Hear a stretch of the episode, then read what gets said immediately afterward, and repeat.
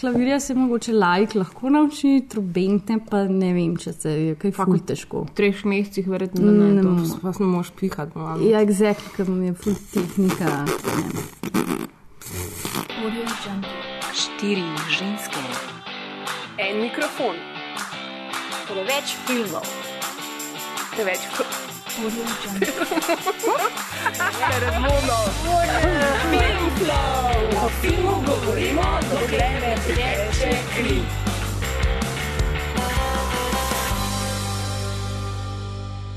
aunt used to live in Paris. I remember she used to come home and she would tell us these stories about being abroad, and she told us that she jumped into the river once.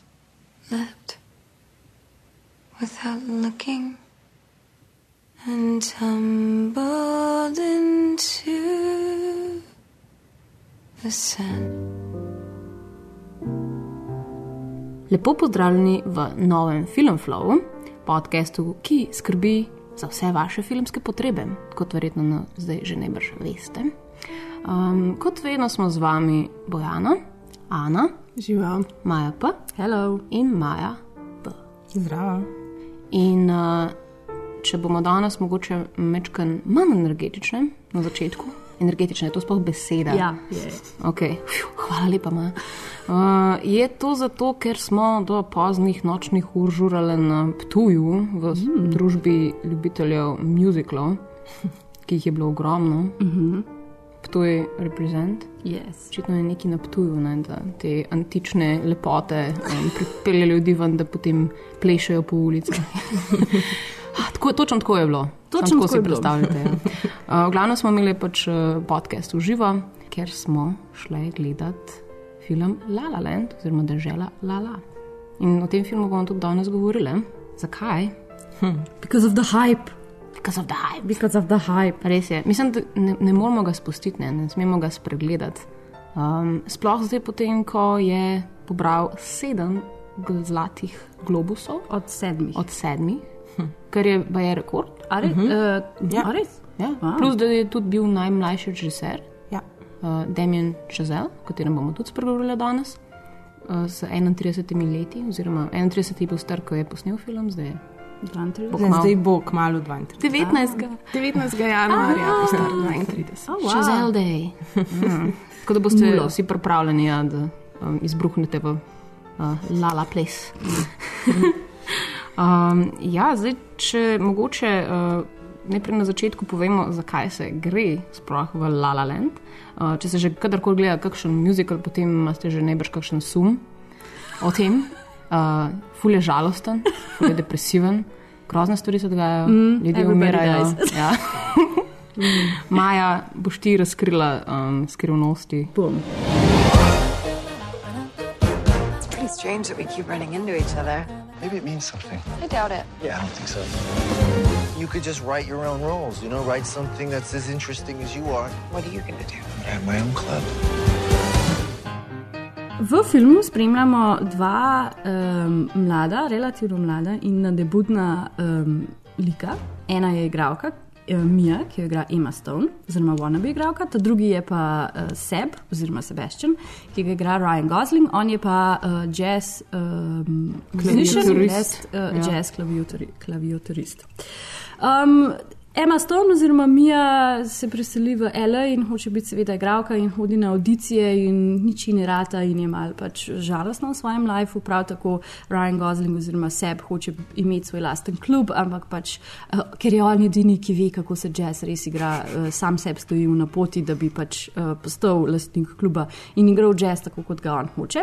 In po spletu zelo lepih in čudnih okoliščin se one dva srečata in seveda zaljubita, ker sta pa vendarle Emma Stone in Ryan Gosling. Ne? Večkrat se srečate. Večkrat se srečata, to, je zelo, to se zdi, da je kar cute prikazan, kako se oni uh -huh. srečujeta. Uh, seveda je film vmes prepleten with song and dance and everything is beautiful. Uh -huh. uh, je pa mogoče za razliko od kakšnih drugih muzikalov res stale majhen bolj poseben, ker pač uh, vse skupaj zavije v eno drugo smer, kot mogoče pričakujemo. Ker da minimiziram spoilerje, se ne zgodi nek tak happy, happy end, ampak malo bolj um, melanholično otožen end, ker oba dva v končni fazi uspeta v lifeu, Mija postane zelo uspešna in slavna igralka. Seb, oziroma Sebastian, Ryan Gosling, morata odpreti svoj lasten klub, kjer igra točno tak jazz, kot si ga on želi, ampak tri pikce. So I bang on every door.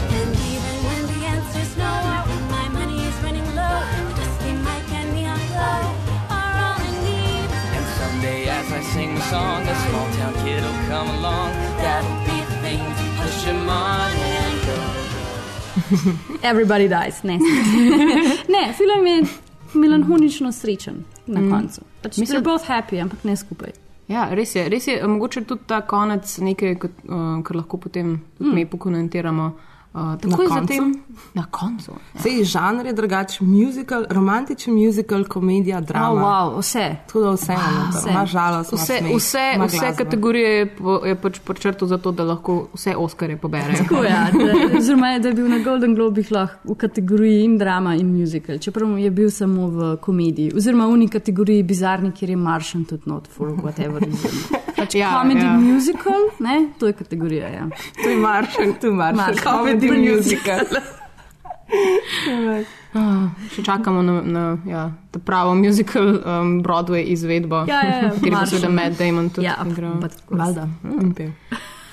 Ja, zdaj to, da je Damien Chazelle, ki ga mogoče poznate bolj po enem drugem filmu, uh, ki pač ni nobenega Oscarja dobil sploh, um, ne se se hicamo, haha, itak da ga je. Uh, Whiplash oziroma hmm. Ritem norosti.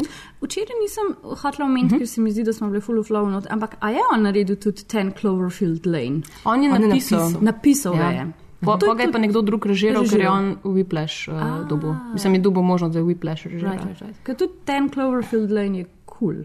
Mm. Mislim, je v redu. No? To je grozljivka.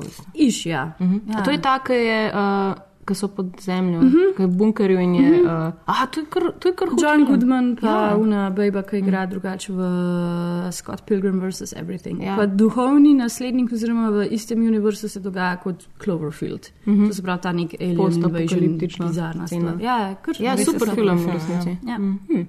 Ja, ampak uh, ja, Whiplash je pa tisto, kar mislim, da nas je pripeljalo do Čezela prvič, oziroma s čimer smo ga prepoznali, ker je um, bil neke sorte fenomen ta film. Uh, Zelo veliko se je govorilo, tudi Oscarjevska kampanja je bila potem zelo močna. Mm. In gre se zaveda za film, um, v katerem igra Miles Teller in um, ta model, ki je vedno hodoben. J.K. Simon. Exactly. Kaj mu jaz Ja. zmeram hočem reči Gene Simmons, pa ni Gene Simmons. Ni čisto isti, nima ja, Ne. teh kvalitet. J.K. Ki ima pa, ki ima pa tudi eno manjšo vlogo v eh, La La Landu. Tako je. Ja, res igra enega zlobnega. Ja, ja, ja. lastnika lokala, ki odpusti Rajna Goslinga. Ja. Kako si drzne. Ja, ki igra free jazz, ne, ne pa Ja, ja. eh, Ne pa tako, kot je treba. Ja. Uh, ja, zdaj kako je človek, ki posnel Whiplash, uh, mogoče potem posnel La La Land, ker vse je mene vse je zelo presenetilo. Uh, nisem si predstavljala, zdaj, glede na to, da je Whiplash je skoraj mal thriller, ker je pač uh, zelo napet, um, dosti je nekega fizičnega trpljenja, um, kljub temu, da je pač ta tudi silver lining enega upanja in um, uh -huh. uh, kako se pač zdaj je treba boriti za svoje sanje in tako naprej. Um, ja, kaj je odgovor? Ne? Ja. Ja, zato, ker nisi videla njegovega prvega filma. Exactly. Zato, ker sem mislila, da je v bistvu Whiplash njegov prvi film, mm -hmm. ker so nekako mečkam poudarjali celo. Ja, Se Mi zato- zdi, da je bila neka opotalna ta neka, um, mislim, niso jih poudarjali, da je to njegov drugi film. No? To Ja, rekla. mislim, nihče pač... ne ve prav dobro, kako se obnaša do študentskih mm. filmov. Pač, To je bil njegov prvi film, pač njegov je njegov bil prvi, ja, prvi Ja, ja, ampak- film njegov je bil mm. študentski film, ki je z naslovom Guy and Madeline on a Park. Bench. Park Bench. Ja. Kaj, kaj, zato, ker pač, aj ga zdaj to pure neodvisna produkcija, ker je pač to on mogel s tem filmom diplomirati ne, in potem njegov v narekovaju prvi pravi film je pa mm. Paul Whiplash, zato ker pač mu je en studio dal gmoto denarja in to je pa kao pol. Kvalificira film kot prvi pravi film, I guess. Mm. Res je, ampak sta pa, mislim, je pa Gajen uh, Madeline v resnici bil zelo uspešen film. Mm -hmm. tudi, v tem, uh, pač v tem um, festivalskem krogu, ki ga je naredil, pač je uh, bil opažen.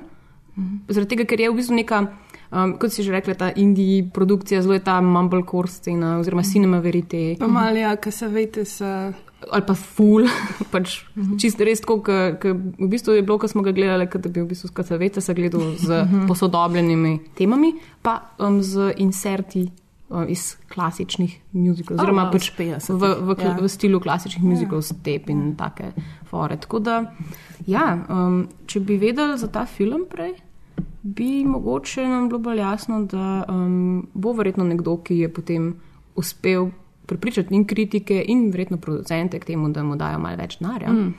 Uh, Ja, zato ker pač scenarij muzikal. za Deželo Lala je napisan že boj boj, da 2010, ne? Ja, on je tako, on je v bistvu hotel prvo posneti, Ja. ja. pred Viplešom je hotel posneti uh, La La Land in je v bistvu pri 25 letih že napisal Wow. ta scenarij in je iskal šest let nekoga, ki bi financiral ta film. Itak, ker kdo bo pa financiral v 21. stoletju full on musical, ne? ne? ne bo, nobeden. Ja. Ja. Še posebej, če nimaš nobenih referenc, Exactly. exactly. oziroma če nisi še načrtoval. Pa nobenih zvest. Ne. Pa nobenih zvest, ja. In potem nekje vmes uh, je dobil, je napisal potem iz čiste frustracije, je napisal Whiplash. Ker se vidi. Ker je v bistvu tudi uh, Whiplash je bolj autobiografska zgodba ne? in je v bistvu izhajal iz uh, svojega lastnega življenja, ker on je bil tudi na Harvardu, kjer je študiral, je imel tudi band, uh, jazzovski band, kjer je igral tudi jazz, on je igral bubne, bubne. tako da v bistvu, ja, tukaj je ta usporednica. Kjer je tudi spoznal um, Justin Hurwitz, skladatelja. skladatelja, ki je pa napisal in za Whiplash, in za njegov prvi film, in za La La Land glasbo. Tako da da Best res best buddies. Ja. Mm. Sta skupaj gledala muzikle na koledžu, mm. pa, um, mm. pa igrala jazz glasbo. No, v glavnem, in potem vmes je dobil pač neko ponudbo za milijon dolarjev, mm. sicer, ampak eh, bi mogel narediti full sprememb in on ja, absolutno ni strinjal sem prebrala, da so hoteli pač lik od Rajna Goslinga spremeniti v nek 80s rocker, kar bi Ja, ja, jaz ja, da bo pop muska ja, kar bi jaz Ja, ja, ja. ful gledala, ampak Ja, ja, pač ja. that didn't happen. Potem, potem je ta uh, Ja. vlogica v Ja. tem, uh, kako se temu reče. V tej sceni, Ja, ko ja. on igra v V enem uh, 80s uh, Cover bandu. cover bandu Ja. ki ima pač un, uh, igra Kitar. kitar pač, Je bilo tako, recimo, Ja. ja. tako bi izgledalo, Ja, ja, ja, ja, če bi ja. se prodal bi pred tremi leti. Jaz bi tudi to gledal. ful. No, sej, ampak, v glavnem, on bi dobil takrat milijon dolarjev za to, kar bi pomenilo, da ne bi praktično nič mogel posneti. Mm. Zato, ker zdaj je film bil vreden 30 milijonov. Mm. Pa še, pa še vse en je bil low budget Ja, v resnici. ja. Pač, ker muzikli tradicionalno so, mm. vsej pač tisti iz klasične dobe, na katere se on referira, ne, mm. So pač mega produkcije. Ne. Mm. So pač najbolj razkošne, baročne stvari, ki jih lahko posnameš v resnici. Ne. Ja, ja. Dobil je pa pač um, potem končno Lionsgate, ga je mm. pa sprejel. Ampak to samo zato, ker je za Whiplash dobil pet Oscarjev. Ja, valjda. Pet Oscarjev, Ne, nominiran je bil za pet Oscarjev, dobil je pa tri Oscarje. dobil je pa tri. Ja, sem trista. Ker Hollywood ima rad, ima rad te um, blockbusterje, ki dobijo še kakšnega Oscarja. No. Zato, ker je bil uh, Whiplash je bil tudi pač budžetno full uspešen. Pač, eh, tu- Tudi je bil narejen z relativno malo vložka, uh -huh. ampak je pač full dobu keša. In pač, ko Hollywood očitno zvoha enega režiserja, da zna narediti zlato kombinacijo obojega, potem pač fuknejo nekega keša. Mislim, basically je ta film potem rato zato, res zato, ker je, pač Whiplash, ker je on z Whiplashem dokazal, da a, ljudje bojo gledali take filme. To se pravi glas, glasbene, follow your dreams, ustrajaj. In pač potem, ker je pač bil tako uspešen, je potem lahko prodrl s to precej kontroverzno oziroma bizarno idejo, da dajmo narediti pa full on musical. Ker pač La La Land je musical. Pika. Ja, je pa tudi, mislim, da v perfektnem času prišel, ne, ker ni za zanemariti. ne. Po, v letu, oziroma konec leta 2016, kjer je bilo pač, um, če smo o čem govorili, je, smo o tem, kako so zdaj težki časi in mm. koliko je pač uh, vse bedno in depresivno, in pač uh, bom, ne, dobimo muzikal, mm. ki sicer nas poskuša prepričati v nasprotno. Ne. Here's to the ones who dream, foolish as they may seem. Here's to the hearts that ache. Here's to the mess we make. Ja, ampak jaz imam full problem s tem. Mm. Zaradi Ane, ki je poslala en, en članek, ki Temju, Ana. ki problematizira to drugače. Mm. Po pravici povedano, ne vem, če bi jaz sama med gledanjem filmom prišla do tega. Ampak pač, mm. ta članek tematizira ful to, kako je problematično to spominjanje iz, v La La Landu. Ker La La Land je na polno uh, nostalgičen film. Mhm, O definitivno. tema, ki, o tema, o kateri govori, način, uh, stvari, ki jih referencira, um, dejstvo, da je muzikal, pač se spomi, hoče se spominjati starih dobrih časov, stare zlate dobe Hollywooda, 30, 40, 50. Ki pa 60. zares niso bili tako dobri. Točno tako, mogoče v Hollywoodu, pa še v Hollywoodu za peščico belih ljudi. Ne? In v bistvu članek tematizira to pač problematično spominjanje nazaj, ki je spominjanje v Ameriki specifično zelo oskega kroga ljudi in zradira. In v bistvu pač manjšine se ne rade spominjajo za nazaj, zato ker vse, kar je bilo nazaj za manjšine, je pač bedno. Ne? Tako da jaz like, štekam. Oni so zdaj Trumpa izvolili, fulim je bed in hočejo videti in hočejo slišati nekaj dobrega. In mm. pač La La Land je tako full dreamy, pa zasal, pa pesmi so noter, pa vse je full dobro. Ampak pač ful, meni je to full problematično, to spominjanje za nazaj. Oziroma pač Američani tako ne znajo se nazaj spominjati uh, celostno, oni se ful partikularno spominjajo. Pač oni se zdaj radi bojo spomnili te, uh, kva so že zlata hollywoodska leta, pa muzikli, pa to ne bojo se pa spomnili takrat, ki je bila segregacija pa vseh teh stvari. Ful imajo problem s tem. No. In zaradi, Ja, zato- filma, zato- zaradi tega je film meni večkrat problematičen. Mm. Also, I really hate musicals. To je tam mečkana stvar, ki bi jo mogoče mogli dodati. en začetku. Ta, disclaimer, Maja pa, will not like this movie. Zato smo ti ga pa hotle, uh, da ga pogledaš. Um, Ampak meni je vseeno všeč to, ker se že pogovarjamo o ritmu norosti, pa tudi o La La Landu. Se mi zdi, da ima še zelen ta talent, da zna dati to dobro energijo film. Mm. Ker tudi mm. Whiplash, jaz se spomnim, ko sem ga gledala prvič. Ko si nehal ta, gledati ta film, si bil utrujen, fizično si bil utrujen, ker je tok. Tako je intenziven, mm. ko ga gledaš, da enostavno imaš občutek, ko ga nehaš gledati, da si laufal nek maraton. In tudi uh, La La Land, ki sem ga prvič gledala, je tudi naporen na ta način, ker je, se mi je zdel naporen za gledati, ker te čustveno uh, izčrpa na nek način. Um, ve, ve v bistvu, katere stvari mora pritisniti, katere točke, Katere tipke? tipke ja, naj igra, uh -huh, naj, uh -huh. seveda. Uh, da, da, pač, da, te, da se te bo dotaknil na način, kjer boš ti začela potem ful sočustvovati s temi liki. ne. Mislim, uh -huh. tudi, recimo, ko drugič gledaš prizore, ki veš, da so narejeni za to, da boš ti jokal, pa še zmeraj jokaš, pač očitno. Ne, tuk- tukaj pač nimaš več sebe pod nadzorom, točno. ne. In tukaj vidiš, v bistvu, kakšna moč je v bistvu filma, ki je sam slika, pa pač zvok in, in te vse en pač, veš, na ta način uh, manipulirati. Ne. Mm. Tako da pač jaz, jaz se strinjam, da je to njegov talent, definitivno. Ne. Justin and I, very early on, started talking about what it would be like to make a musical together. He wrote the music for La La Land, he wrote the music for Whiplash, and he'll write the music for anything I ever do. The first music I composed for the movie was actually the theme of the movie. I wanted material that could unfold on a larger scale and throughout the entire movie. We knew there was something kind of unique and magical about it, and it's virtually never changed a note. We knew that that was the rock and the core of the film musically. I practiced some of those piano pieces four hours a day for three months. I should never want to hear them again, but I'm still moved by them. This one piece of music unites them, and I just loved the idea of introducing the musical theme of the movie that way. Zdaj, kaj nam recimo uh, Ryan Gosling pa Emma Stone tukaj pripeljeta, ne? kakšne sorte nostalgijo. Ja, sigurno je pač Ryan Gosling že kot sam lik nostalgičen. Na polno, ja. ja. Mhm. Pač ne, on, on je v bistvu tisti, ki se upira nekemu novemu jazzu, strmi za s tem starim jazzom in je v bistvu tak tradicionalist. Ne. Po eni Ja. strani zbira artefakte od Ja.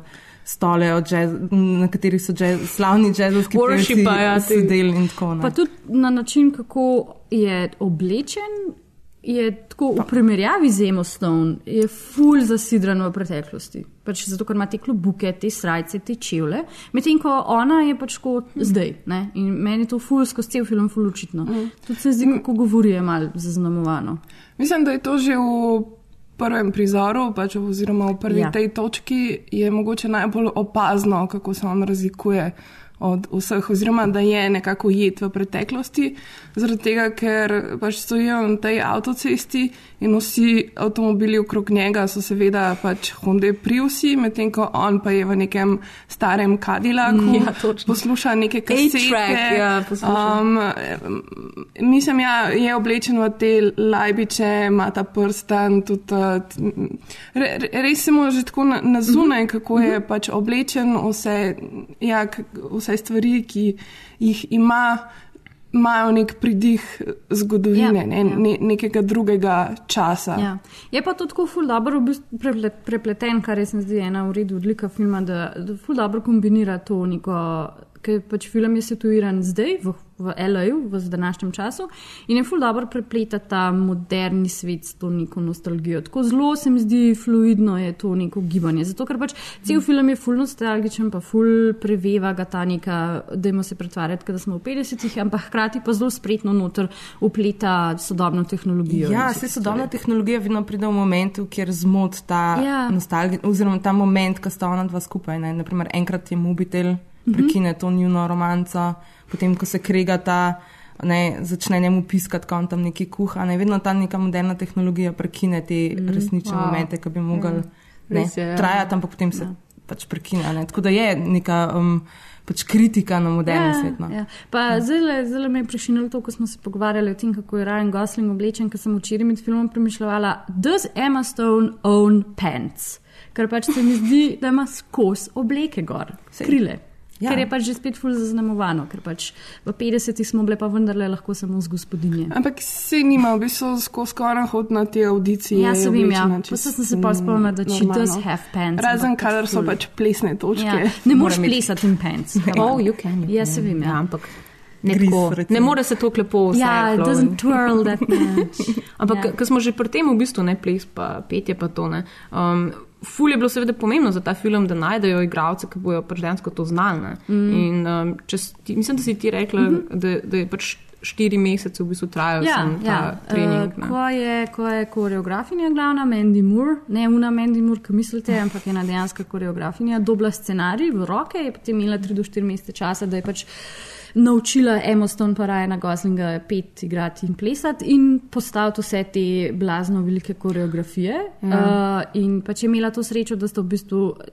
Da je Emma Stone je že znala pet in plesati, ker jo je v bistvu še zel iz kabareja ven potegnil iz Broadwaya, medtem ko Ryan Gosling je tudi pač ima eno tako zanimivo mini kariero kot plesalec, ko je bil še fulmejhen. To se pravi, da sta bila oba dva nekako tako, sta vedela, kako se temu streže, ampak vse jih je bilo v štirih mesecih to kar naporno. Ker tudi Ryan Gosling se je mogel naučiti igrati klavir, oziroma mm -hmm. ni se naučil igrati mm -hmm. klavir, naučil se je igrati te komane, ne, mm -hmm. kar je nekaj drugega, tako da mu je to ful dobro ratal. Um, In pač mogla sta se naučiti precej dobro plesati. Čeprav je vem, da je pač Mandy Moore podarjala, da pač, um, je ful bolj pomemben emotivnost mm -hmm. oziroma emocije, ki jih one dva skozi ples podajata, ne pa da sta to tehnično pravilna. Ne? Zato, ker vse jih nista profesionalna plesalca ja. in vem, da so se pol ful ukvarjali s tem, z body movementom, kako različen mm -hmm. nagib glave, kaj sporočajo mm -hmm. ta neka čustva. Tako da je bilo to v bistvu ful bolj pomemben kot zdaj, ne vem, kot Jim Kelly, da moraš on Ja, tudi, na ta tudi glasbo so priredili, recimo, Ja. temu tako, da je uh, skla, skladatelj, ne, pač, uh -huh. Horowitz, uh. Har, Harovic, ja, je pač naredil glasbo tako, da je full dinamična, tako da je ona tudi imela veliko uh, za operirati. No. Ja. Tako da je lahko, lahko se v bistvu full igrala med Ja. ja. to glasbeno točko. Ja, ne. to mi je bilo zanimivo, ker je režiser v bistvu go- govoril, kako je nastajal ta film. Ne? Ker za ene scene je bila najprej glasba, pa je potem um, na to glasbo napisal scenarij, pa na to glasbo je nastala koreografija. Mm. In tu- tudi zaradi tega, ker je na ta način nastajal, je lahko v bistvu tako konsistenten. Ne? Mm. V bistvu nekako zdržuje to. Um, Linijo um, v bistvu nekih teh emocij, ki, ki te res pač pelje zelo tako um, elegantno čez cel film. Uh, ki- ker mislim, to je tudi on rekel, v muziklu je najtežje to, točno to, kako skladiti, mm. da bo vse to perfektno delovalo skupaj. Mm. In glasba, in ples, in igra, in ka- kako to vse skupaj povezati in preplesti, da deluje. Um, zato, ker, ne, in tako, kot smo se pogovarjali, pač muzikli so res ta perfekcionizem. Uh, sicer mogoče to v tem. Um, zdaj v Čazelovem muziklu ni več tako očitno, zaradi tega, ker nimamo več, one dva nista perfektna plesalca, tako kot sta bila mogoče. Um, Fred Astaire. Fred Astaire, pa Ginger Rogers, pa tako kot je bil Gene Kelly, zato ker nista pač profesionalna plesalca, so napake tudi, ko pojeta, um, ni to perfektno, um, ampak vsem pa, ne vem, cel film preveva neka ta mm. perfekcija, je znotraj enega pač popolno skonstruiranega. Ja, jaz mislim, da, da k temu veliko pripomore režija, pa način, kako se je on zamislil, da bo to posnel, ker pač je basically so vsi, se mi zdi, vsi posnetki, ko je musical točka, so one take, pač uh -huh. v, e, naenkrat je on to posnel, pa v CinemaScope, to se pravi, full. Ja, v tem formatu, ki je najda, naj, Tako, najširši. Najširši, to se pravi, res veliki posnetki, mm. ki imaš občutek, da je pač platno kilometrsko. ne. Kar- kar In zato je bilo zahteva- tudi ful pomemben, mm. da v bistvu one dva. Vse jih dosta obladata to, zato ker pač niso hoteli uporabljati body doublov oziroma Mhm. mm -hmm. Stunt, stunt ljudi. Ne, pa jaz mislim, tudi da- vse Rajanove roke so njegove roke in so Mhm. pač kar Mhm. odvisno posnete. Pa, pa, pa drugačne emocije ne, pride, Ja. pridejo, ko ti eh, res spremljaš od začetka do konca ta ples oziroma to igro med njima. Ena izmed dobrih stvari, kar jih je on naredil v tem filmu, je to, da je izkoristil njuno neperfekcijo. Ne? Mm. Mm. Da je v bistvu dal noter kadre, kjer se ona dva zmotita. Tudi doskrat. Ne? Tudi med plesom to, ko so štiri punce recimo hodijo po ulici, se recimo Emma Stone po nesreč zaleti v to svojo kolegico in se ona dve tako nasmehneta en drugi, ne? ampak je dal to mm -hmm. noter, ni dal tisto. Perfektno. Tudi če so recimo to naredili, ne? Zdaj, ker je pač ta feeling bil pol, da, da se to res dogaja. Ja, Malo bolj re, realistično je vse skupaj izgledalo, pa tudi Ko ona dva, recimo, pojeta pač to pesem, ki sta pri njemu doma, pa mm -hmm, on Mhm, igra na klavir, mhm. pa se začne ona malo smejati, pa se on malo nasmeje, ker sta se mogoče kje zmotila ali karkoli, pa je dal to noter. Ja. Yeah. Tako da se mi zdi, da je izkoristil, ker je, le, ker je on je vedel, da ona dva pač nista profesionalca ne, in on se zdaj ni zdaj toliko s tem ukvarjal, ampak je pač mm. dovolil, da, da pride to ven. Ne. Se mi zdi, da po tem tudi lažje sočustvuješ z njima. Ne. Zdi se pač malo bolj realistično. Ja, re- si rekel je tudi sam, mislim, da v enem intervjuju, da je, da je šel je na to, da bo pač to um, realističen muzikal. Mm. -hmm. Kar se sliši pač res kot oksimoron. Kamal, vmes je scena, ki greste v kva planetarij in potem kar lebdita. No? Realistično. če Ja, ja, šur. To so pa vse reference. Lej. To Ja, se vem, da To so. pa že druga kategorija. ja, I know when you put two people in a room and you ask them to dance, the vulnerability and the journey that happens with that, you can't teach it. Like it just is. Like you just get in the room and you learn so much about each other and you open up so much. Dance does that, you know, and I knew that by getting in the, them in the room and having them for months at a time, we would get there. If I'd only had them for a week, I would be really worried about that because then they would be manifesting this emotion or from something that is not real. But they were in the room. They know each other. They, when they were had bad days and good days and sweaty days and like I think I got it days. You know, like they've really been on that journey together, and I think it'll be easy for them to draw the emotion from that. Ja, mislim, najbolj, najbolj verjetno fascinantna je čisto prva scena, ne, Ja. ker je bila tudi um, pač zahtevala je verjetno pač ogromno planiranja in um, Ja. um, izkušenj, pač, ki jih je v bistvu koreografinja Mandy Mora, ki smo omenili, um, nabirala na televiziji. Od vsega- ja ko od ona bila koreografinja na vseh teh Dance with Stars situacij, ki pač je pa treba bilo mm. on Mm. the fly, full spremenjati.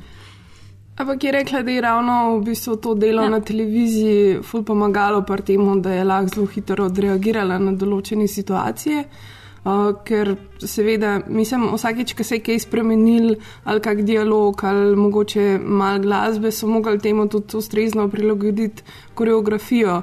In to je pač zahteva neke zelo hitre rešitve Mm. včasih. Um, ampak je rekla, da je ravno v bistvu delo na televiziji, ki to zahteva, um, da se znaš zelo hitro znajdati v določenih Mm. situacijah, zelo uh, pomagal.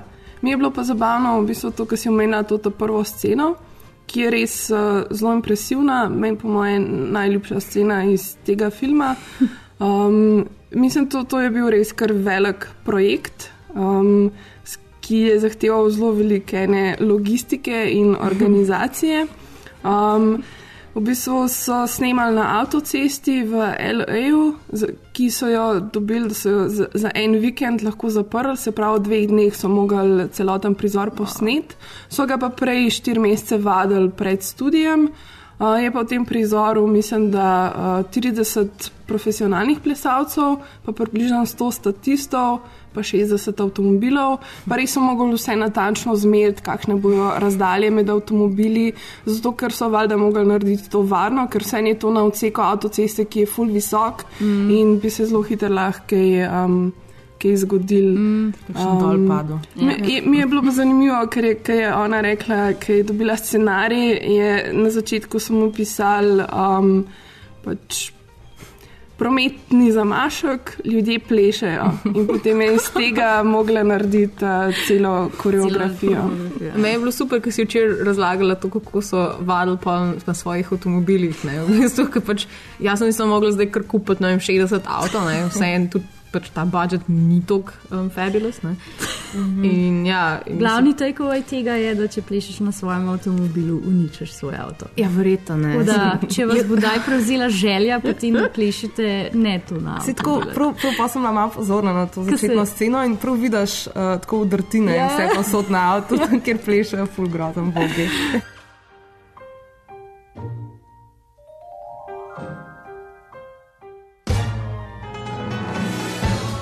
Ta začetni prizor se mi zdi, da res vzpostavlja to pravo vzdušje mm -hmm. za ta film. Ker mm -hmm. hkrati, mislim, ta pesem začetna je full vesela, ampak oni so vseeno v prometnem zamašku. Mislim, da izgubljajo čas za nekaj najbolj nepomembnega in kao, da je to se vsi pritožujejo na tem v L.A.U. In bilo full dobro, ko v bistvu tudi na koncu se on referira ne, na ta začetek, ko v bistvu Mija pride zdaj iz uh, te uh, fabulous karijere, ki jo je imela v Parizu. Ne, vrne zdaj v L.A. In um, ko greš z, z možem na um, večerjo, se seveda znajdete v prometnem zamašku. In mm. yeah. Ja. potem ona reče: Joj, tega pa res čisto nisem pogrešala.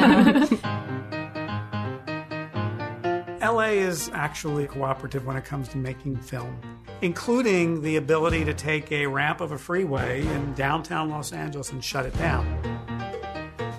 It was really important to me that this was going to be a movie that lived in long takes. The idea is to have a camera that itself feels melodic. We wanted to make the film feel uh, magic. It's a modern way of thinking where the camera could be more fluid than it used to be. The movements could be even more dancing with the dancers. One of the first things that I got the most giddy about was the fact that he wanted to shoot this like old style, no edits. So it's like Birdman meets Singing in the Rain. For the traffic freeway number, I had done a rehearsal beforehand when we just had dancers in a parking lot, me with my iPhone doing the camera movement. But it's a different story when you get on an actual freeway ramp with an actual crane. Of course, it was literally the hottest day of the year. The whole thing somehow got pulled off. It's another day of sun. Ja, ampak to, to je, se mi zdi, še zelo. Pač point je tudi, da je Eloj del, ki je tako majhen karakter v tem filmu, del mm. filma. Zato, ker on je full hotel pač posneti Eloj, tako kot Elo je. In pač ta prva stvar, ki jo zmeraj slišiš v Eloju, da traffic is bad. Mm. Pač nobody ful, walks in Elo. Ja, nobody walks in Elo. In v bistvu tudi vse te lokacije, ki jih mi vidimo, jih je ful previdno izbral, pa z namenom izbral, da so zelo tako sporočajo ta stari Hollywood. Ne? In se zdi, da to tudi ful pomemben. Je bilo pa meni včeraj ful všeč, kaj potem na koncu, ko smo, uh, ko smo imeli QA iz publike, je en um, tip iz publike izpostavil, kako zanimiva je ta prva scena ker pač res vsi plešajo na avtomobilih in so zelo pisani. No, pisano oblečeni in ja. pisan, pisanih pač uh, ras in manjšin. In je to tako res. In to sem tudi jaz pomislila, medtem ko sem gledala film. Ja, to, to je Amerika, to je LA, vsi so tam, pač, vsi so pa pač uh, all body types in vse. In je res ta diversity tako na prvo žogo, prav tako tle, uh -huh, uh -huh. ki je potem v bistvu relativno zradirana naprej v filmu. In smo malo to izpostavili, pač, koliko je to v bistvu, vse to, o tem smo že malo rekli, uh -huh. koliko je v bistvu to problematično in mal žalostno tudi, da pač vse glih lahko posnameš en tak film, tak outrageous film, samo če pač atečaš uh, znana bila imena noterno. Pa tudi, če ne par drugih stvari v filmu je meni mal problematičnih, kaj pač Ryan Gosling jazzist, pa pač pol tako zelo. Samo jaz, beli moški, vem, kaj je pravi jazz in ga bom rešil, meni to tako bilo mal. Itak je film tako full cheesy, pa full je mm. tak over the top, pa tako vedno te bom ljubila, jaz bom tudi tebe vedno ljubil. Ha, ampak to je, I guess, da del muzikla, To je del življenja. Ja. Ja, ampak včeraj smo se pol pogovarjali tudi o tem, ne, o, o tem dialogu, ki ga ima on uh, s tem svojim Ja. kolegom, ki ima ta pol band. Pač John Legend, ne? Uh -huh. Mislim, meni je bilo to. Pač, ko, si ti recimo govorila včeraj o tem, ne, jaz seveda jaz tudi isto priznam, mm. -hmm. meni pač ni to niti padlo na pamet. Mm. Mhm. -hmm. Dokler ni mi nekdo pač, a veš, rekel, ja, ne, kaj zdaj on govori kle o Ja. yeah. jazzu, kot da je pač uh, bog jazza. Ja. Yeah. V bistvu on edini, ki ve, kaj je pravi yeah. jazz. Ne. Medtem, potem, ko pa začne pač igrati v tem bendu, ga, v katerega po, povabi bivši kolega, um, ki ga igra John Legend, ne, ki je pa pač uh, a legend, tudi ne, glasbenik in tako super. Um, in, in opaz, kako je pač zdaj se, Sebastian ne, um, uh, malo depresiven, Mm. ker ta muzika, ki so jo igrali zdaj tam ne, v tem bendu, ni čisto, kar je on hotel, Mm. mm. niso klasike jazzovske. Ja. Ne. In on reče pač, ga poseden ne, na stol in mu reče, pač, lej. Jaz razumem, ne, da ti ni všeč, sam uh, ti skozi govoriš o jazz, jazz, jazz, pa ti živiš v preteklosti, ti igraš ljudem, ne vem, 90-letnikom. Ne. Kako boš ti jazz rešil, če ga hočeš, ne, Mhm. um, če boš ostajal pri eni in isti stvari. Ne, in pač ima nek tak zelo tak revolucionaren v bistvu, um, govor. Ne. Ja, pa tudi se mi zdi, da je to mogoče tudi mal samo kritika in tega filma, in načina, na katerega mi ne vem, ali funkcioniramo. Ker i- je, kot smo se prej pogovarjali, je Ryan Gosling, ki je ta tradicionalist, mal je m, pač obstajal v preteklosti mm. in enostavno razmišlja v okvirih, ki mu Mm. jih je ta preteklost pač dala. In mm. ni se sposoben premakniti pač naprej na naslednjo stopničko. In se mi zdi, da mogoče je to en tak um, en podton no, Mm. tega filma, ki se mi zdi, da no, ima, zelo vseeno. Kljub temu, da, da je musical, um, pa da mislim, da veliko se dogaja, ples, glasba, ima tudi zelo veliko zanimivih tem no, z, Ja. yeah. znotraj, ki jih obravnava, odnos med njima, um, pač v bistvu ta nek. Um, ali slediti svojim sanjam ali ne, s čimer se je že v Viplešu ukvarjal.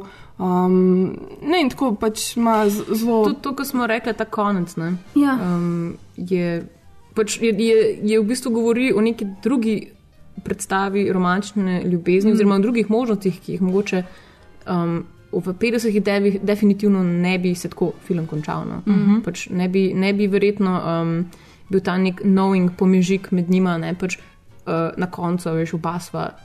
Oba sva v bistvu srečna. Zdaj, oba Ampak- delava to, kar ja. ja. sva hotla, ne? ampak vedno te bom ljubila, ampak je. imam pa zdaj tudi nekoga drugega, ki ga imam rada, Ja. ja. pa imam otroke, da, da, da, ne. In on ima tudi to, kar je v bistvu hotel. Ja, oba dva sta srečna, srečna vsak zase z življenjem, ki ga imata, ampak pač.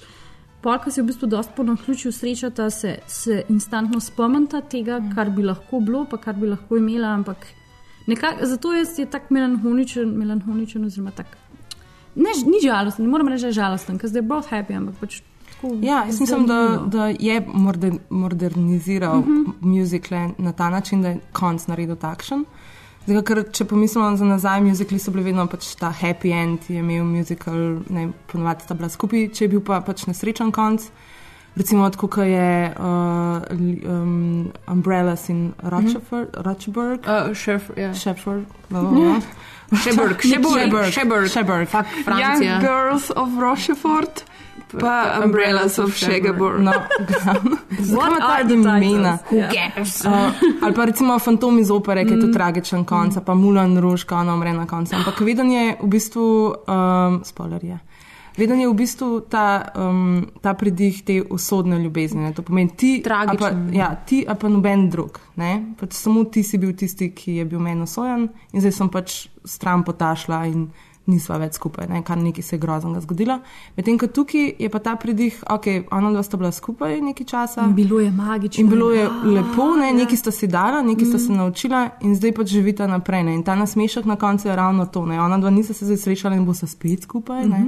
Ampak pač gre se naprej, ker se ovada zavedata, da je to, je to. Ne. Mm. In se mi zdi, da tukaj je ta- taka lepa metafora tudi ta jazz glasba, noter, ko on govori o tej jazz glasbi, kako v bistvu te glasbeniki v bistvu uh, tekmujejo med sabo, ne, ko igrajo, v bistvu se pogovarjajo, v bistvu je kompromis ta glasba. Ne.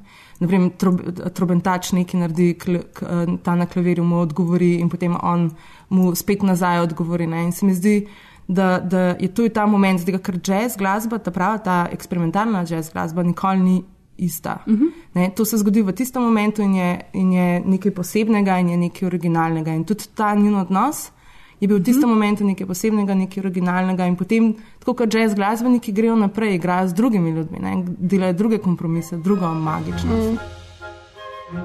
How are you going to be a revolutionary if you're such a traditionalist? You're holding on to the past, but jazz is about the future.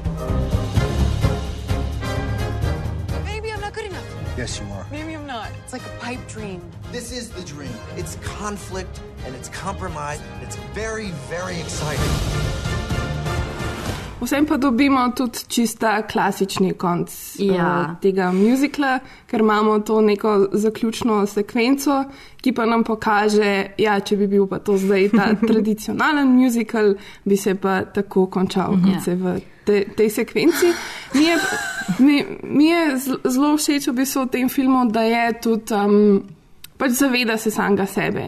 In eh, tudi se mi zdi, da se in Emma in Ryan se zavedata tega, da sta, da sta v muziklu. ne. Mm. Um, tudi pač prav ta scena v bazenu ne, je ta či, čist meta. Um, ne vem, in mi je to, to zelo všeč, pa to zelo veliko filmskih referenc. Pač, um, snemajo v studiu, one dva gresta, ko um, Mija dela v kavarni, ne, v nekem hollywoodskem studiu, in potem jo on pride tja pogledat in se sprehajata po teh um, v bistvu Backlotih. Po, po backlotih, po nekih uh, scenografijah. Mm. In v bistvu gresta pogledat um, sceno, ki je potem kasneje v tej montaži noter. Ne? Tako da je dejansko res zelo prepleteno Mm. mm. vse skupaj. Ja. Hmm. What is dream, what is reality? Ja, kar edin, še pač, ok, poleg tega, da je to musical, which I uh, don't really get, pa pač, meni je bilo tako mal boring med vsemi temi pesmimi, ker pač sem, medtem ko sem gledala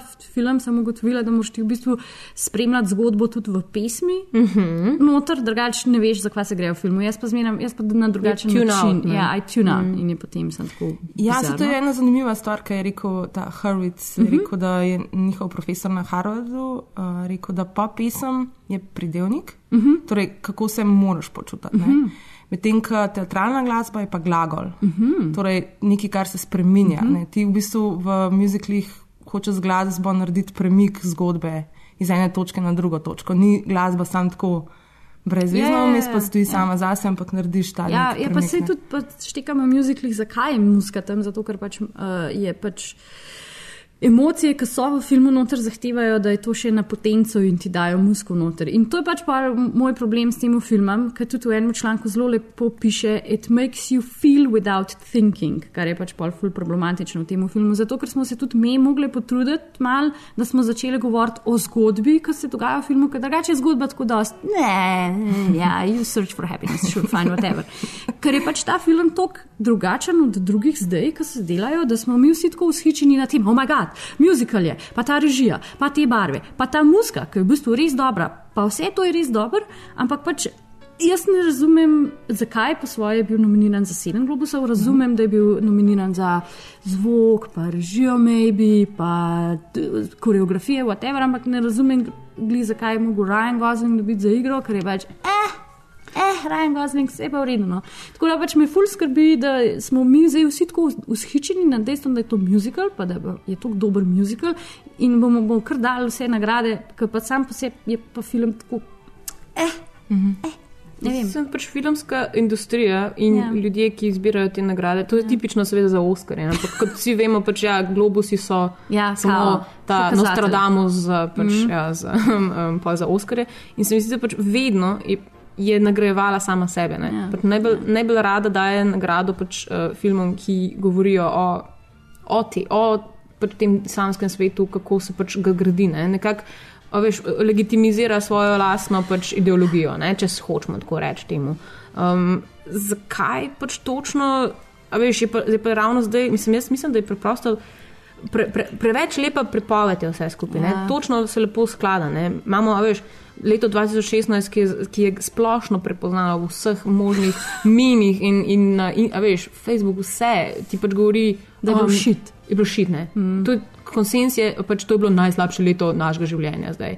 Um, in je pač preveč lepo se sklada v to Ja. zgodbo, da zdaj pa pride muzikal. Ja. Zdaj, veš, ful imaš člankov v resnici, pač, v katerih piše ljudje, "A, tako kot taka si mi ga ti Jana včeraj pokazala, oziroma Maja, ki je pač, ne vem, nekdo piše, a, pozabila sem za dve ure, da Trump obstaja, da smo zvolili tega človeka, veš, da je pač, ne, in, in to je zdaj ta dilema, ne, zdaj, a mi smemo pozabiti zdaj, da, smo, ne, da so oni izvolili, ali pa veš, da so stvari bedne.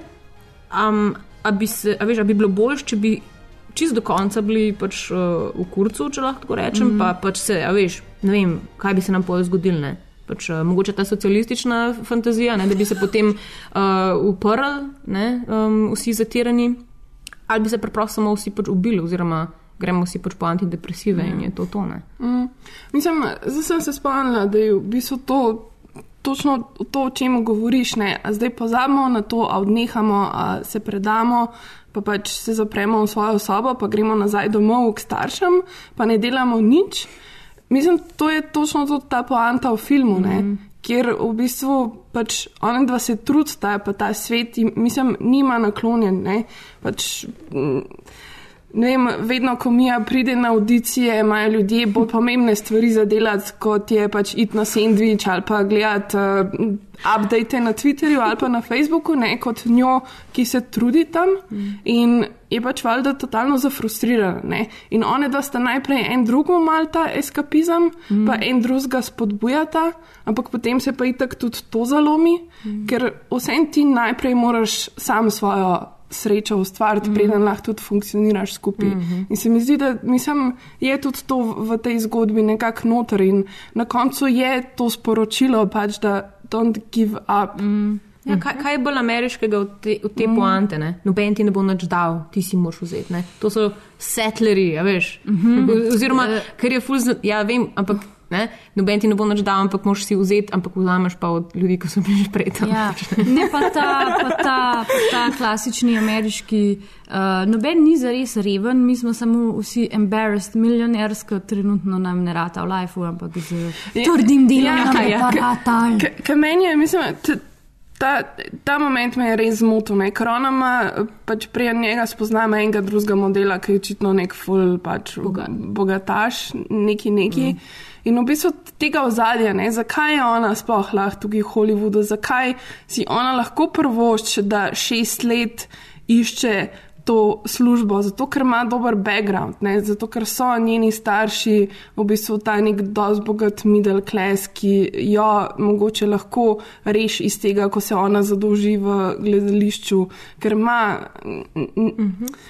ima ta nek safety net, ne? ki te mreže, ki jo zelo veliko ljudi nima. That's life. Pač eni imajo to, eni pač nimajo, za une, ki nimajo, je ta pripoved, ne? da pač, lej, če se boš dosti potrudil, ne? boš to dobil. ne. In...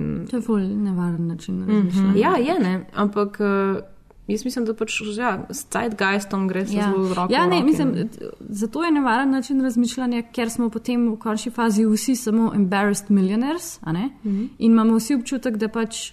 Se mislim, da sem to že enkrat rekla.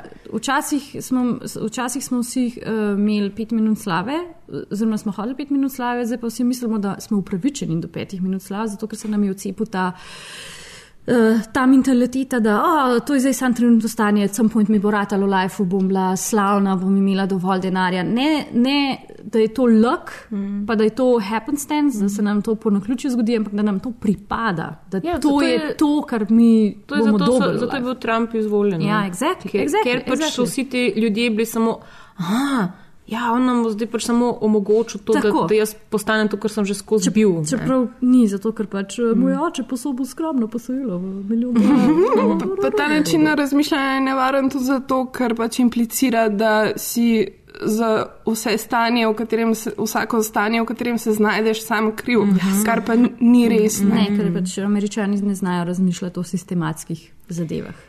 Mislim, kar je, kar je meni zelo simptomatično, ne? zdaj, veš, kar najbolj ilustrira to, točno te, dva, eh, te dve skrajnosti, ne? musical ali pa pač ta realnost, mm je um, eno dejstvo, ki sem ga, ki sem ga prebrala, namreč ta uvodna scena. Ne? Uh, naj bi bila pač navdihnjena v resnici ne, uh, z filmom Falling Down, um, ki se začne po zelo na isti način, uh, neka LA Traffic dne- Ja, jam. traffic jam. Uh, in na enem od avtov pač ni nekdo, ki si poje la la la la la la, ampak je pač. Um, uh, kaj je že? D- Douglas, Michael Michael Douglas, Douglas, uh, ki je nek res nezadovoljen um, accountant ali nekaj takega. Neki res bogi model, ki mu pač eno jutro vroče v L.A.U. preprosto sam dopizdi. In gre ven in tako vzame uh, puško iz prtlažnika in gre na rampage.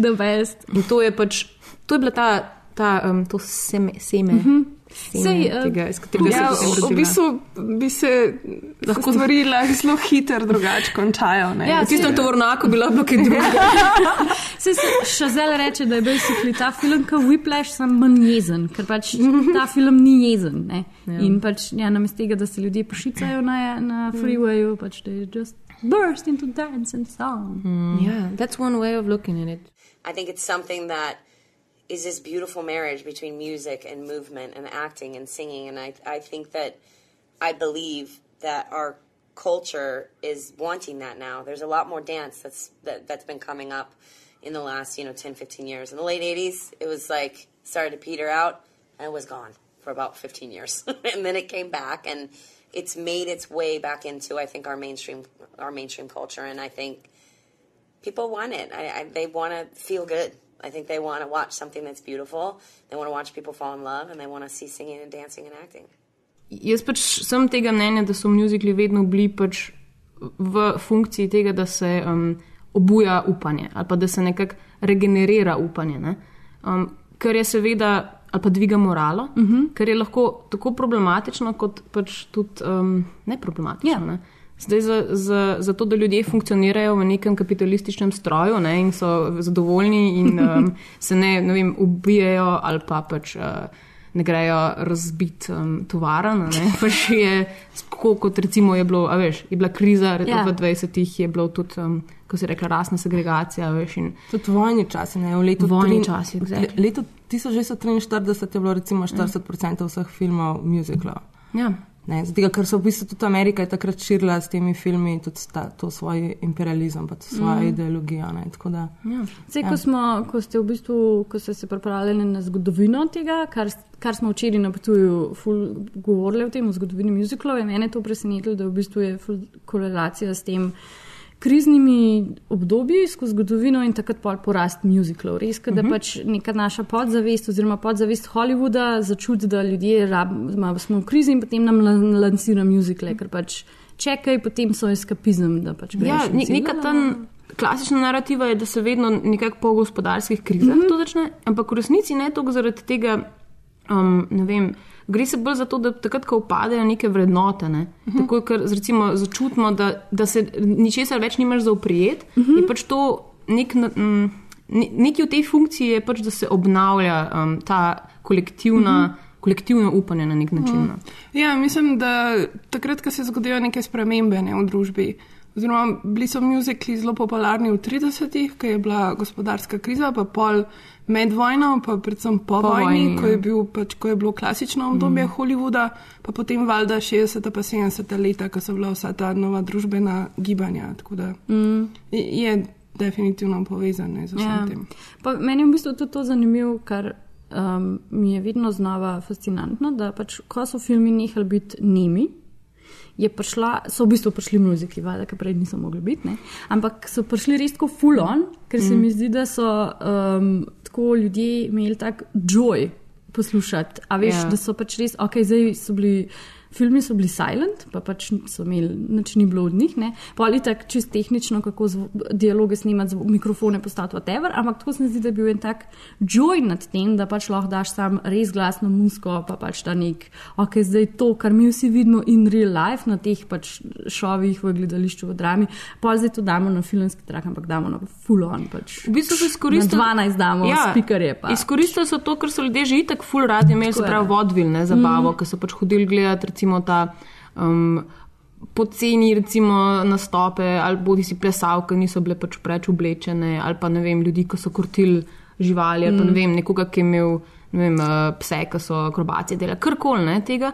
In so v bistvu samo to pač v večje, boljše um, okolje. Ne? Pač s tem so v bistvu so prevzeli to nišo, mm. Mhm. zaradi tega, ker so imeli preprosto možnost narediti bolj sansko okolje v tem. Ne. Tako kot si rekel, recimo, ne vem, 26. 1926, ko je zvok prišel v film mm Mhm. -hmm. in ko so imeli pač v bistvu pol celega boga, v bistvu problemov, kako se zdaj. Kako se zdaj bo film soočil sploh s tem problemom, s tem tehničnimi problemi, mm. Mhm. ne, ki jih v bistvu to prenese, zelo praktičnimi. Ne, um, recimo, tudi niso, niso vsi igravci dejansko znali angliško govoriti ali pa pač tako angliško, kot bi mogoče bilo za gledalce um, Razumljivo. razumljivo ne. Mhm. uh, mogoče nekateri niso imeli ne najlepših glasov, niso znali pet, niso znali plesati. Ne. In vse te stvari recimo, so bile zelo pomembne ne, um, za filmsko industrijo, ki se je mogla Mhm. temu prilagoditi. Ampak, ko si rekel, potem 30 leta je bilo, mislim, da je več kot 100 muziklov posnetih. posnetih v studijskem sistemu. In kar je v bistvu potem pr pripeljalo do tega, da je bilo že naslednje leto trg je bil čist prenasičen z njimi in so bili ljudje že siti tega. Mm. In je dejansko potem upadlo nekaj časa, pač, uh, ni, nihče več ni hotel delati muzike, ker so preprosto koštali preveč. Mm. Pa je, je se spet ne- nekdo se je mogel pač takrat pojaviti, ko bo um, zdaj naredil spet nekaj novega, Mm. spet nekaj, kar bo pregrabilo pač ljudi, da bodo prišli nazaj gledati. Ne. Po tej prvotni krizi muzikla, recimo v Hollywoodu, je potem uh, prišel nekdo, ki je pa dejansko izkoristil te svoje, svoje znanje, ki ga je um, dejansko v vojni pridobil, ker um, je v muziklu injiciral uh, vojaško disciplino. Mhm. Mm. In to je bil Busby Berkeley. V bistvu njegova inovacija je bila to, da so začeli snemati žarjavom iz, Mhm. iz v bistvu zgoraj, z ptiče perspektive. Ja. Kar je potem imel ta efekt, da je abstraktne um, vzorce v bistvu ustvaril iz ljudi. Ne. On je res pač, tako kot vidiš, recimo te Severna Koreja scene, ki imajo na velikih štadijo, stadionih pač ljudi, ki potem ne vem, for, neke formacije Ja. delajo. Um, tako je bilo mečkam bolj poetični, mečkam bolj veseli. Na vesel način pač v um, Busby Berkeley muziklih narejeno. Ne. In tukaj recimo izvirajo tudi te scene, ko so ne vem, uh, sinhrono plavanje. Ne. Kar je pač meni čisto fascinantno, da je to obstajalo eno obdobje v hollywoodskem filmu, Mhm. where that was a thing.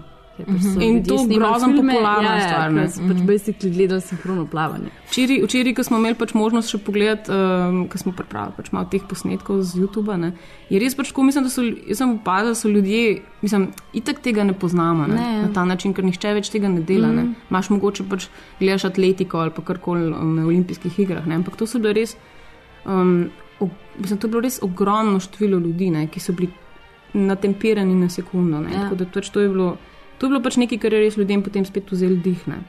Um, in druga, recimo, drugo, um, drug par, ki je pa zaznamoval 30. leta But klasične ja, hollywoodske dobe, sta bila pa Fred Astaire in Ginger Rogers. But of course. Do you remember the Valentine I sent you, the one with the arrow piercing the heart and dripping blood? Oh, yeah. I remember that. I think that's the only Valentine I ever received. It's the only one I ever sent.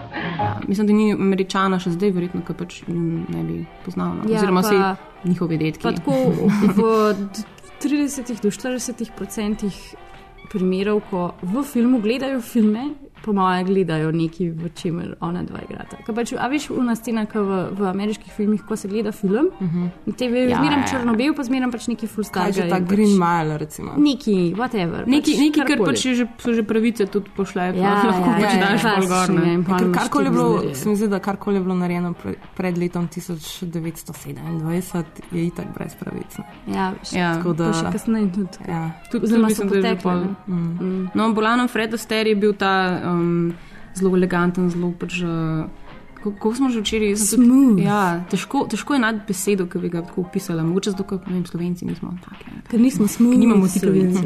Ja, ampak pač res je, on je bil ta kralj stepa, pa teh valčkov, pa teh pač res. Um, in z Ginger sta imela pač nešteto filmov, v katerih je, so vsi pač na isti način narejeni. V bistvu, pač, uh, nekdo pride nekam, kjer hoče uspeti in potem rata. Pleše. In potem pleše in potem se pač. Potem urata. Pa vedno imaš pač, ne, ona da sta vedno ta. Um, Uh, ne, prej se ne marava, ne, pač tako. Pač, ampak že veš od začetka, da ta. kim je že to znano in film, ki smo ga pred nedavnim gledali. Ja. Ja, la la lence, res. Jaz mislim, da ne moreš, ker mislim, prosim, lepo, pač najboljše je, da se najprej sovražiš, pa pa pač Ja, ja. ljubiš. Ne, to Mm, mora biti mm. malo te um, Tenzije. Tenzije, ja. Tenzije, Mm. to je prava beseda. Ja, exactly. pač in, in to so bili sicer res taki prijazni filmi, ne, tako za celo družino. True. In, uh, tako kot si prej rekla, pač vedno je bilo v bistvu ta nek group effort, ne, celega, celega kupa ljudi v resnici, ki niso bili potem napisani na velikem platnu, kot Mm. mm. Fred Astaire pa Ginger Rogers. Ne, tako da um, to, to je mogoče pač res cela neka skrita zgodovina muzikla.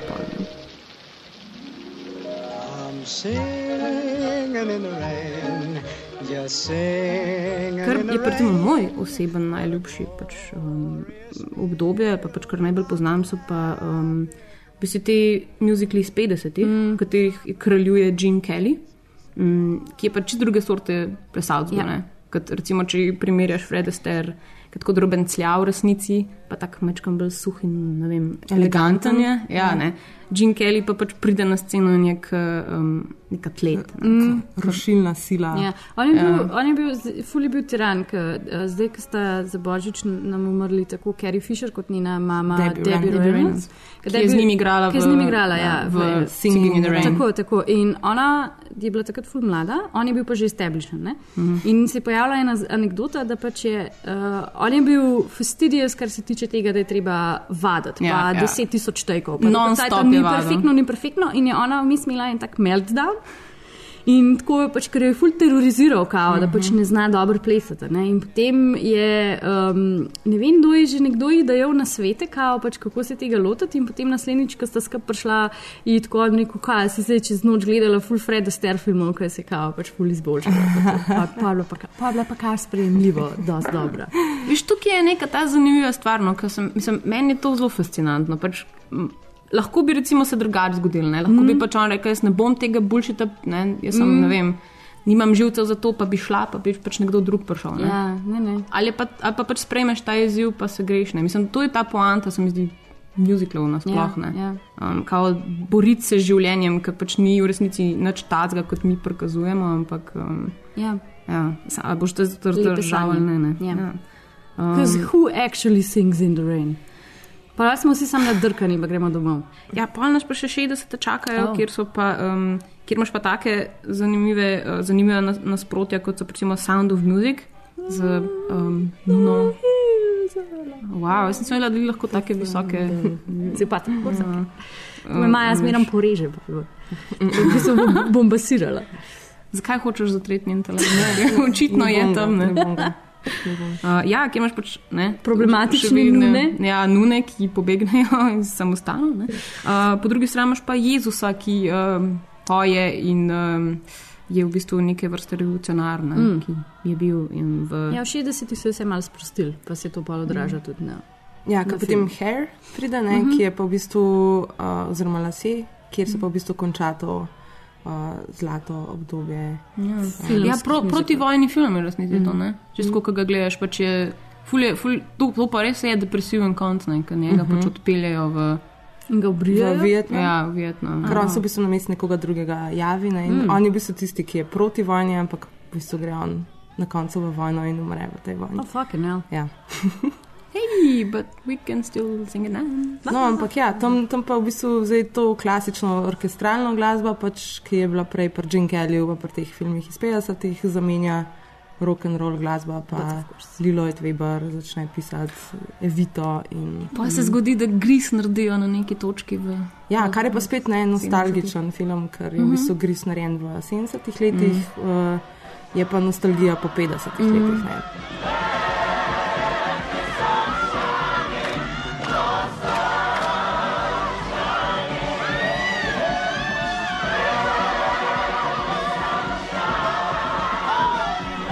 Smo tudi mi uresničili vam željo in, oziroma sanje in nismo pripravili top 3 um, svoje najljubše, um, ampak uh, čakamo na to, v bistvu bomo vam dali priložnost, da nam mogoče uh, poveste, kateri so vaši najljubši trije muzikli. Mhm. Tako da vas nagovarjamo zdaj, da pač greste in pustite kakšen um, komentar in svoje predloge. Um, Lahko tudi tri najljubše filme z Ryanom Goslingom. A na Hmm. kateri tvoji trije bi to bili? Drive, drive in drive. Pa jaz sem, jaz sem dodala še Blade Runner 2, tle zraven. Ker smo A. videli trailer, looks good, fine. Zdaj A. bo to njegov najboljši. Kaj pa, kaj že crazy? Crazy Stupid Love. Jaz bi dala to. Jaz- jaz nisem gledala Kjer ima. Stone, kjer igra z Emma Ja. Stone in Mm. reče, ko se Ryan Gosling sleče, reče. Fuck! Seriously? It's like you're photoshopped. Mislim, da je to moj najljubši. In pol zaigrata to sceno z Dirty Dancing. Perfect.